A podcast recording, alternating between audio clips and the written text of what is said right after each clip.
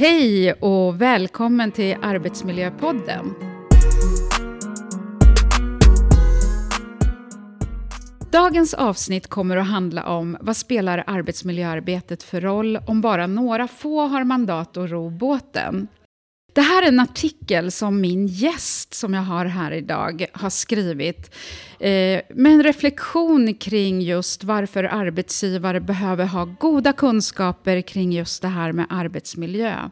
Därför att arbetsmiljölagens regler de ställer ju ändå krav på att arbetsgivare ska arbeta förebyggande som främjande och faktiskt se till så att ingen på en arbetsplats drabbas av ohälsa eller olycka.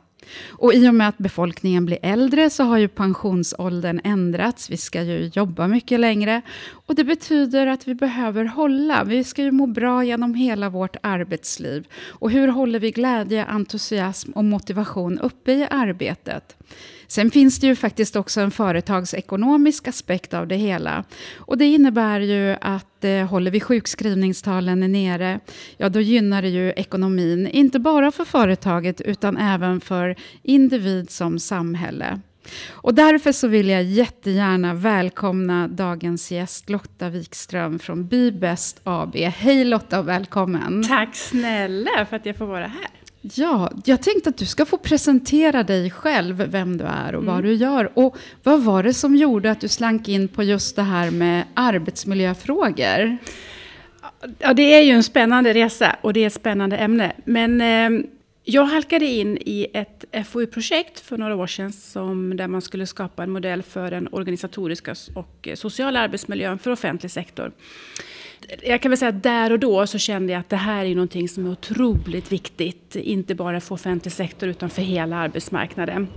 Och eh, har sedan dess utbildat och brunnit för de här frågorna. Och arbetsmiljön i det stora hela är viktig men det som jag fokuserar på är just OSAN, den organisatoriska sociala arbetsmiljön. Den fysiska arbetsmiljön är oerhört, oerhört viktigt men det är inte där vi har de stora problemen idag på arbetsmarknaden utan det är den psykosociala arbetsmiljön. Och där har jag också startat ett företag som heter Be Best. Där jag hjälper företag att komma igång med arbetsmiljöarbetet men också att hålla i över tid. För det är det det handlar om. Det är oftast där som det brister. Så att, eh, ja, kort om mig. Ja, mm. och den här artikeln, jag tyckte mm. att den var spännande. Mm. Därför att du tog ju upp en hel del punkter.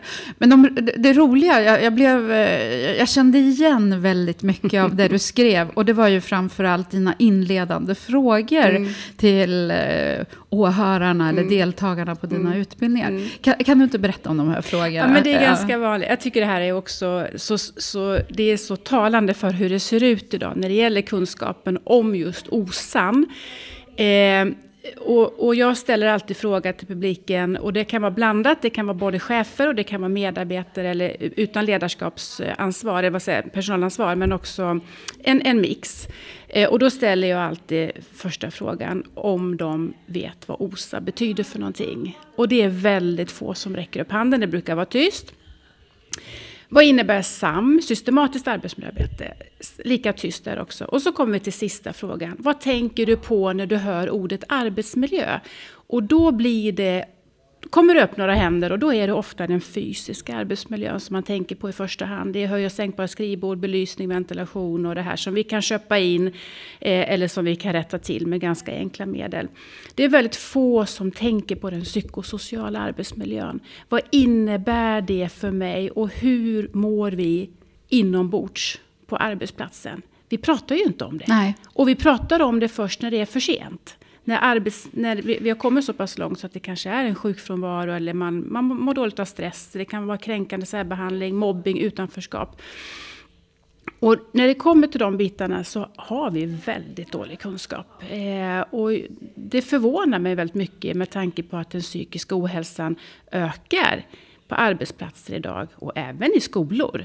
Att vi inte lyfter det här högre upp på agendan. Att vi inte bjuder in medarbetarna att, bli, att samverka i de här frågorna. Utan man skickar cheferna på en utbildning lite då och då. Eller någon, gör någonting rolig aktivitet runt det här. Eller någon workshop eller någonting. Men det hjälper inte långsiktigt. Så att vi måste, vi måste, kunskapen är en bristvara. Och då tänker jag, vad, vad, tror du att det beror på att man fortfarande har så pass dålig kunskap kring just den här frågan? Därför att de psykosociala aspekterna av arbetsmiljön har ju ändå funnits. Och i och med pandemin mm. så blev det ju verkligen satt på agendan att vi behöver arbeta både förebyggande som främjande då.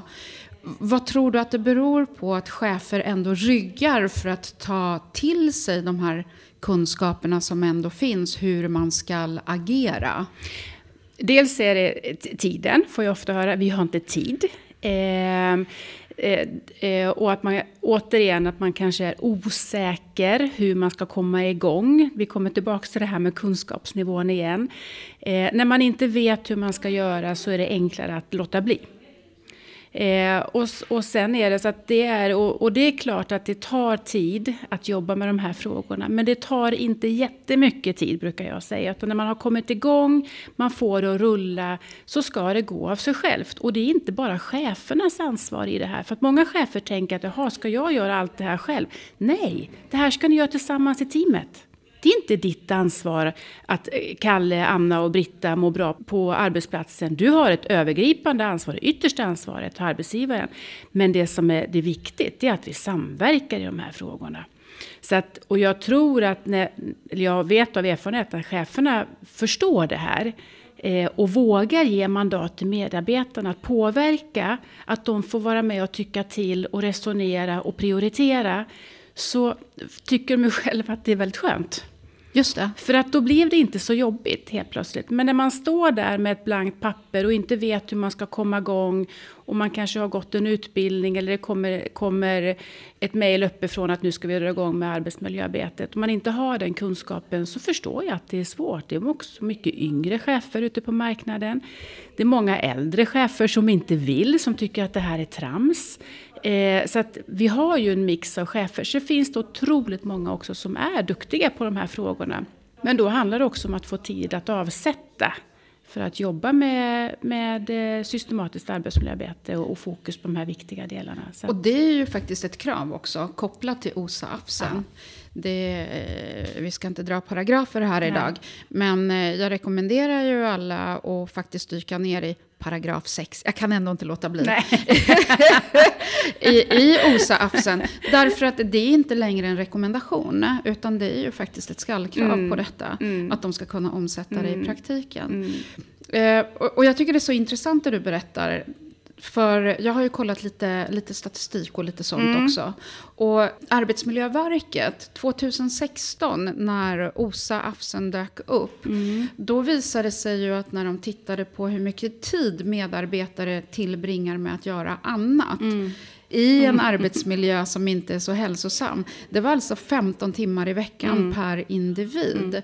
Så det här är ju förenat med otroligt mycket pengar i mm. produktionsbortfall också. Så att det det är otroligt viktigt att man tänker på de här frågorna.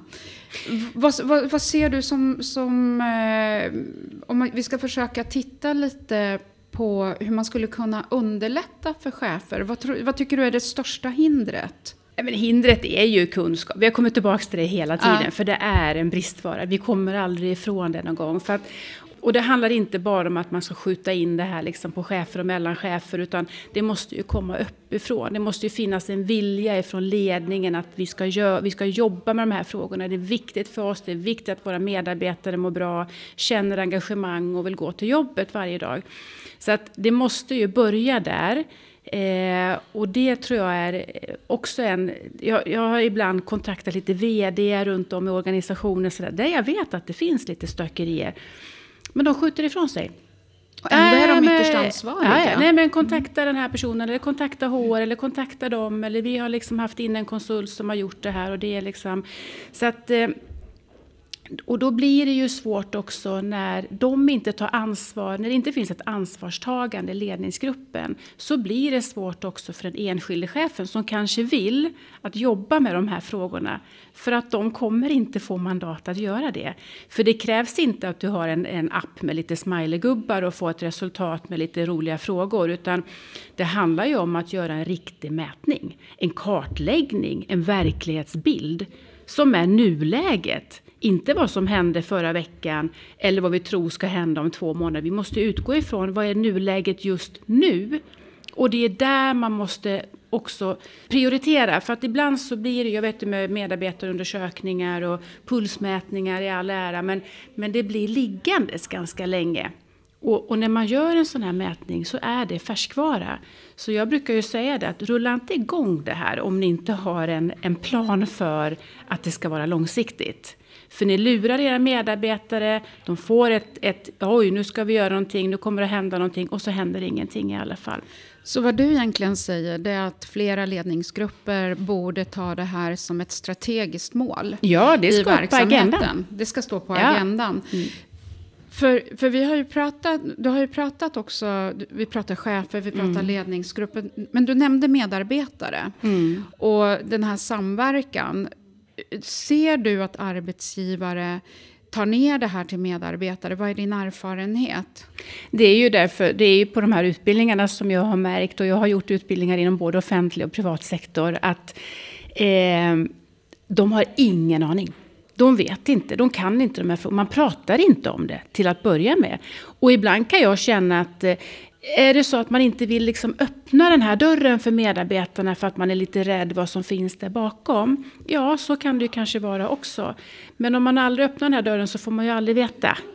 Därför att ju längre tiden går, ju längre det ligger och puttrar någonting som inte stämmer i organisationen, desto svårare är det att vända på det.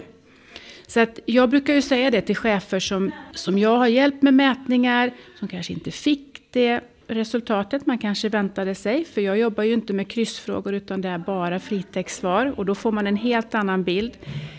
Ta det för vad det är nu. Nu vänder vi den här skutan och så förvaltar vi och gör det bra utav det istället. Även fast det gör ont i magen och det kan kännas personligt och det kan vara både det ena och det andra. Men vi måste göra någonting åt det. Och när de väl sen har fattat det där och kommer liksom se att det blir ett resultat så blir det ju också en, eh, ett litet leende nästa gång vi gör en ny mätning, för då blir det inte lika jobbigt. För ledarskapet är, det är ju väldigt komplext och ofta är ledarna, chefer är väldigt ensamma och vågar kanske inte alltid frågan till en kollega eller eh, till HR-chefen eller vad det nu må vara för någonting. Man vill klara sig själv lite grann för man har ju fått den här rollen och man känner lite stolthet i det. Mm. Men eh, det är bättre att be om hjälp och försöka lösa knutarna så fort som möjligt. Men det allra bästa det är ju att det inte blir några knutar. Det är ju att vi är så pass steget före så att det inte ens händer. Det är ju det optimala. Eh, och, och, det är inte helt omöjligt att komma dit faktiskt. Nej, och då säger du någonting som jag tycker om att höra. För då har ju du nämnt uh, flera roller. Mm. Vi pratar om medarbetarna, att bli mer involverade, få större kunskap. Vi pratar om chefer och ledare, att man ska ha kunskapen att kunna omsätta i praktiken. Vi pratar om ytterst ansvarig vd, ledningsgrupp, mm. styrelser. Mm. Att de kan inte delegera bort det här ansvaret. Det ligger alltid kvar på den yttersta ledningen. Mm. Men du nämner också en till roll som jag också har sett och det är ju HR. Mm. Och eh, här kan ju jag ta min erfarenhet också, att här behöver HR stärka upp sina kunskaper. Mm. Hur ser du på saken? Men jag, jag håller med, jag kan bli förvånad ibland och nu ska vi inte, det är en fantastisk roll och det är en vikt, oerhört viktig roll. Men det som kan förvåna mig är att kunskapsnivån även där är, är svag i de här frågorna. Och man kanske man nöjer sig återigen med att göra en, någon liten mätning vartannat år eller en gång per år eller någonting. Och, och ja, det är, för, det är för sällan. Det ska ske mätningar kanske en gång per kvartal eller var fjärde månad. För, att det, ska, för det händer så pass mycket i dagens samhälle. Det händer så mycket, pass mycket hos oss människor att vi kan inte nöja oss med att göra mätning en gång per år eller vartannat år. Och sen tar det ofta tre månader innan man får resultatet. Mm då är det inte intressant längre, för det har redan liksom passerat. Eh, det är det ena. Men, och, och, jag tycker nog att jag hör lite för ofta eh, ja, men vi ska, göra en, vi ska ta en workshop med cheferna, det funkar inte ledarskapet. Ja, men sen efter workshopen, vad händer då? Ja, men vi är tillbaka på ruta ett. Garanterat. Mm. Eh, de saknar verktyg Ja, helt de enkelt. saknar verktyg. Och de saknar nog också tiden. Eh, och de saknar... För jag tror att de som jobbar med HR ändå har ett hjärta för människorna i organisationen. Det bör de ha bör i alla ha. Eh, men att de kanske inte heller har verktygen att göra det. Och det är för att man ofta också att man tror att det här handlar bara om mig. Nej, skjut ut det på alla. Alla har lika mycket ansvar. Städpersonalen har ansvar för det. Konsulter som är inhyrda ska vara med i arbetsmiljöarbetet. Alla ska finnas där, men alla måste veta hur jag är med och vad är syftet med att vi gör det här överhuvudtaget. Just det. det är det ena. Sen är det vanligt en, en annan som jag har reflekterat över också. Det är att man gör kanske en mätning på hela organisationen. Och då kan du aldrig veta vart det skaver någonstans. När du får ett resultat som kanske påvisar att det är någonting som inte stämmer. Men vart? Mm. Och jag säger alltid att jobba med teamen. Låt varje chef och varje team ta kommandot och äga sin arbetsmiljöresa. För de har sina utmaningar på kundsupporten, lagret och sina, IT har sina. Sen kan vi samverka det här i organisationen i någon workshop kanske med cheferna en gång per år. Oj då, nu händer det grejer Eller här. något.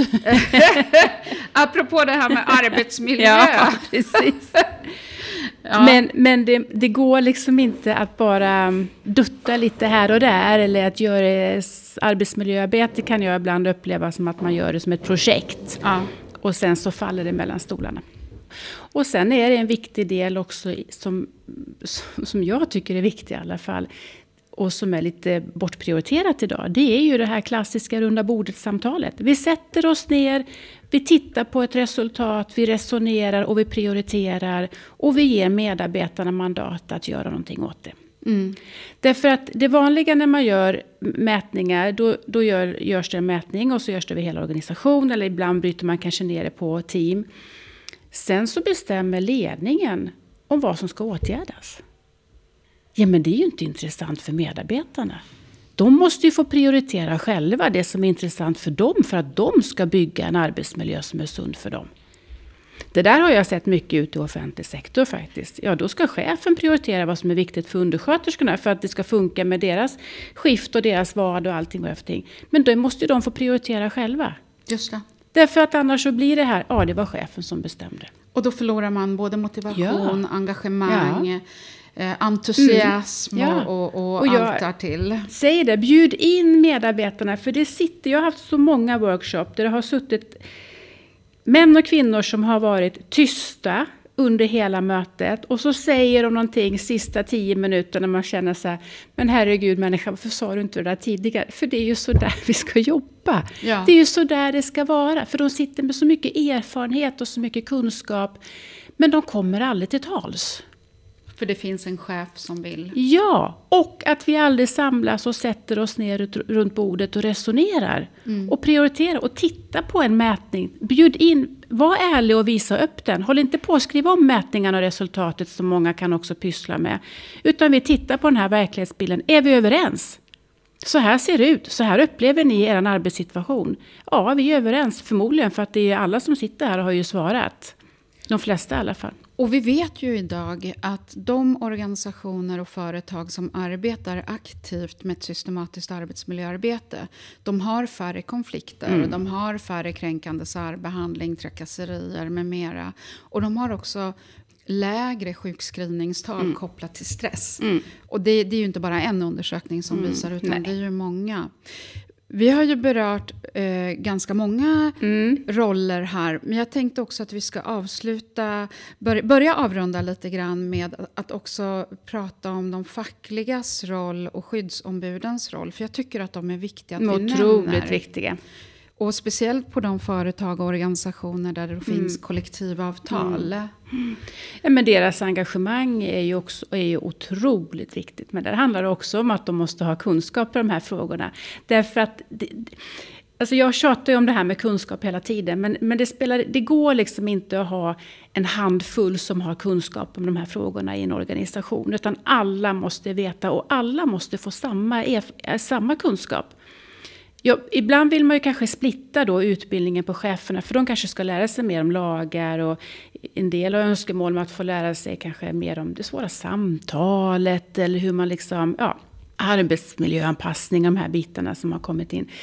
Men, men det är viktigt att vi inte utesluter medarbetarna i det här. För det, vi behöver inte ha några hemligheter för dem hur ett svårt samtal fungerar eller hur det funkar med arbetsanpassning eller vad nu man Varför ska de inte få veta? Det är ju snarare tvärtom. Ja. Att där eh, arbetsmiljöombudet, skyddsombudet och de fackliga är involverade mm. och har samma kunskaper. Mm. Ja. Så har man ett bättre, en bättre samverkan. Mm. För den är ju A och O i mm. de här frågorna. Och, och någonstans är det ju också utifrån arbetsmiljölagen att man förväntar sig att man har det här samarbetet. Mm. För de representerar ju mm. ändå arbetstagarna i arbetsmiljöfrågor mm. och arbetsrättsliga mm. frågor. Och jag tror ju också att, att om det blev så, eller om, det, om vi bestämmer att det ska alltid, att medarbetarna oavsett position, roll, ålder eller kön eller vad man är, vad har för bakgrund, ska involveras och få lära sig eh, de här viktiga, otroligt viktiga frågorna. Så kommer det också bli svårt för chefer och ledning att slippa undan.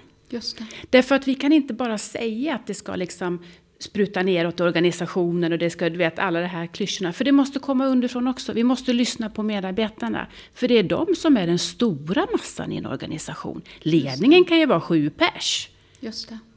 Men de som är ute på fältet eller vi har eh, butiker, man har, det, är ju, det kan ju vara flera tusen människor ibland. Det är de vi måste lyssna på. Vad är viktigt för er?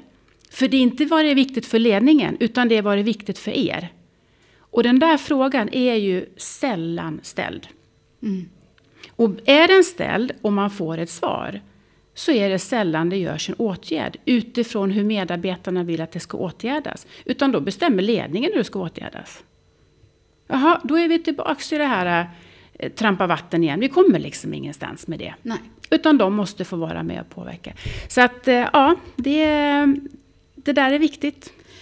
Och jag, jag brinner ju för kunskap, mm. eh, som du vet, eftersom eh, det här med att eh, utbilda och eh, höja kunskapsnivån mm. inom de här områdena, det, det, är ju någonting jag har jobbat med i väldigt många år. Och därför är jag lite extra glad att ha dig här, för att jag vet att du gör också väldigt bra. Eh, men om du skulle få önska, vad skulle du skicka med? Eh, liksom, säg fem punkter mm. att tänka på.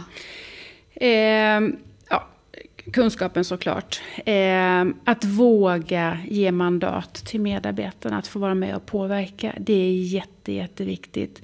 Och att inte krångla till det så mycket. Det räcker nästan med dem. För att det är, det blir oftast där det, det trillar mellan stolarna. Det är när det blir för krångligt. Och när man inte vågar be om hjälp för att det har blivit, man kör fast helt mm. enkelt. Och det kan ju vara saker som händer i ett team som gör att det blir svårt. Ja. Det kan handla om eh, sexuella trakasserier, det kan vara utanförskap, det kan vara mobbing, det kan vara mycket tokerier som händer i en organisation.